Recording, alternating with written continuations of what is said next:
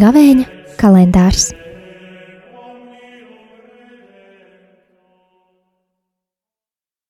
Divdesmitais mārts - Svētdiena. Lasījums no izceļošanas grāmatas. Tajās dienās Mūzes ganīja savu sievas tēva, Madijāna priestera Jetro, Aitas un cīdams ganāmpulku pāri tūkstnesim nonāca pie dieva kalna Horeba, un viņam parādījās kunga eņģelis, uguns liesmā no krūma vidus un Mūzes redzēja, ka krūms deg ugunī, bet nesadeg. Tad Mūzes sacīja: Es iešu un apskatīšu šo lielo parādību, kamēr krūms nesadeg. Bet kungs redzēja, ka viņš iet skatīties, un Dievs sauca viņu no krūma vidus un sacīja: Mūzu, mūzu! Viņš atbildēja: Te es esmu. Tad Dievs sacīja: Netuvojies šeit klāt, novelc sandalis, jo vieta, kur tu stāvi, ir svēta zeme. Un Dievs atkal sacīja: Es esmu tava tēva dievs, Ābrahama dievs, Īsāka dievs un Jēkaba dievs. Mūzis aizsedza savu seju, jo dievu uzlūkot neuzdrošinājās. Kungs viņam sacīja: Es redzēju savas tautas spaidus Eģiptē un dzirdēju to kliedzamu mocītāju un nešēlības dēļ, un zinot tās bēdas, esmu nonācis, lai to no eģiptiešu rokām atbrīvotu un izvestu no šīs zemes uz labu un plašu zemi, uz zemi, kurā plūst piens un medus. Un Mūzes dievam sacīja: Lūk, es iešu pie Izraēļa dēliem un sacīšu viņiem, jūsu tēvu dievs ir sūtījis mani pie jums, bet ja viņi man pajautās, kāds ir viņa vārds, ko lai es atbildu? Dievs Mūzum sacīja: Es esmu, kas esmu. Tad vēl piebilda: Tā tu pateiksi Izraēļa dēliem: Es esmu, sūtīja mani pie jums. Un Dievs atkal sacīja Mozum: Tā tu pateiksi Izraēļa dēliem: Jahve, kas ir jūsu tēvu Dievs, Abrahama Dievs, Īzāka Dievs un Jēkaba Dievs, man sūtīja pie jums.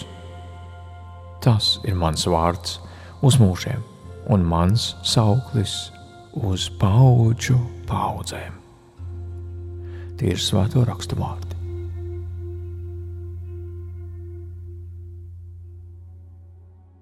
Dievs atklāja mūzum savu vārdu. Tiešām, ja Dievs atklāja savu vārdu, kas tika iekļauts izceļošanas grāmatā, tad kāpēc mēs to nelietojam šodien? Kāpēc mēs sakam Dievs, Kungs? Protams, rakstot, mēs izmantojam lielus burtus, bet tomēr, lai tas neskan kā profanācija, Pateikt, ka mūsu Dievs ir Dievs, ir tas pats, kā pateikt, ka manam kakim ir vārds kakis. Diemžēl tulkojumā pazūd ļoti svarīgas nianses, kas atklājas šajā dialogā starp Dievu un Mūzu. Mūzus lūdz pateikt savu vārdu, bet Dievs, lai cik tas nav paradoxāli, vienlaicīgi atklāja un neatklāja to. 13. vai 15. gadsimtā pirms Kristus Precīzāk mēs nevaram noteikt laiku, kad Dievs ienāca izvēlētas tautas vēsturē. Katrā tautā savus dievus sauca vārdā. Tomēr zināt, kādu vārdā, nozīmē arī saprast viņa būtību.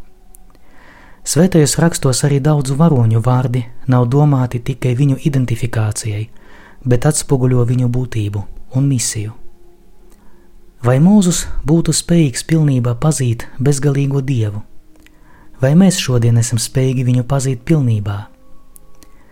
Šis vārds, kas tika ierakstīts ar četriem līdzskaņiem, JHVH, neļauj mums šodien precīzi noteikt, kā šis vārds skanēja, jo ebreju valodā patskaņi tikai dažreiz tiek piefiksēti rakstiski.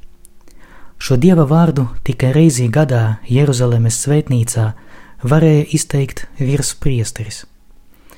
Bet pēc Babilonijas gūstā pat tas vairs nebija iespējams, jo vienkārši tika aizmirsts, kādi tur jālieto patskaņi.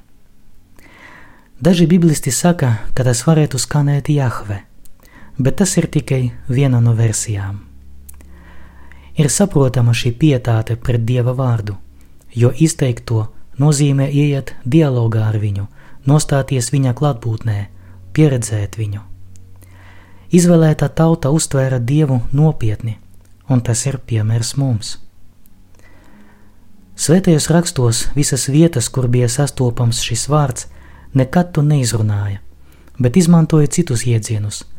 Vispopulārāks bija Adonai, tulkojumā kungs, bet bija arī citi - Elohim, Dievs, Elion, visaugstais, Šadai, visvarenais. Arī šodien šī tradīcija turpinās. Mūsdienu ebreji lieto vārdu Hašem, kas tulkojumā nozīmē šis vārds. Bet ko nozīmē vārds Jahve? Izmantosim šo patskaņu versiju. Šim vārdam senebreju valodā nav analogu. To nevar vienkārši iztulkot līdzīgi kā vārdu kakis, kas angliski būtu ket, bet itāliski gatto. Kaut arī vārda pamatā ir esamības ideja, tomēr paliek noslēpums, kā to saprast. Šajā pašā tekstā mēs lasām, ka tālāk Dievs pats skaidro: Esmu, kas esmu. Tomēr šo teikumu ehje ašer ehje var arī tulkot savādāk: Esmu kāds esmu, esmu jo esmu. Pastāv arī tādas versijas, ka esmu tas, kas darbojas, vai pat es būšu kāds biju.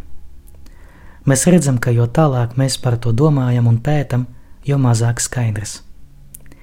Tomēr no teoloģiskas perspektīvas tam ir skaidrojums.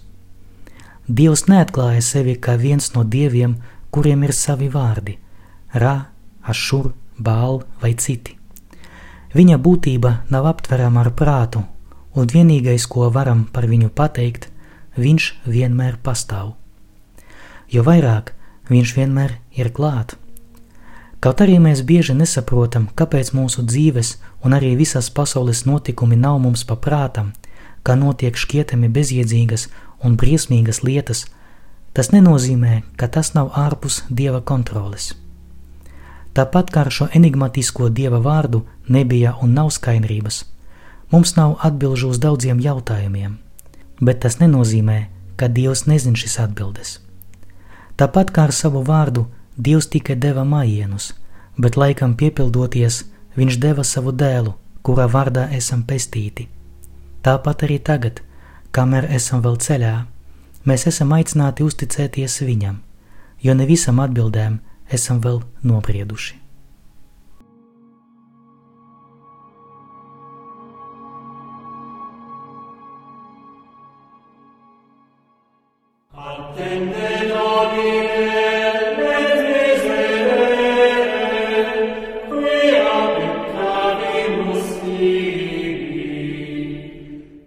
Gavēņa kalendārs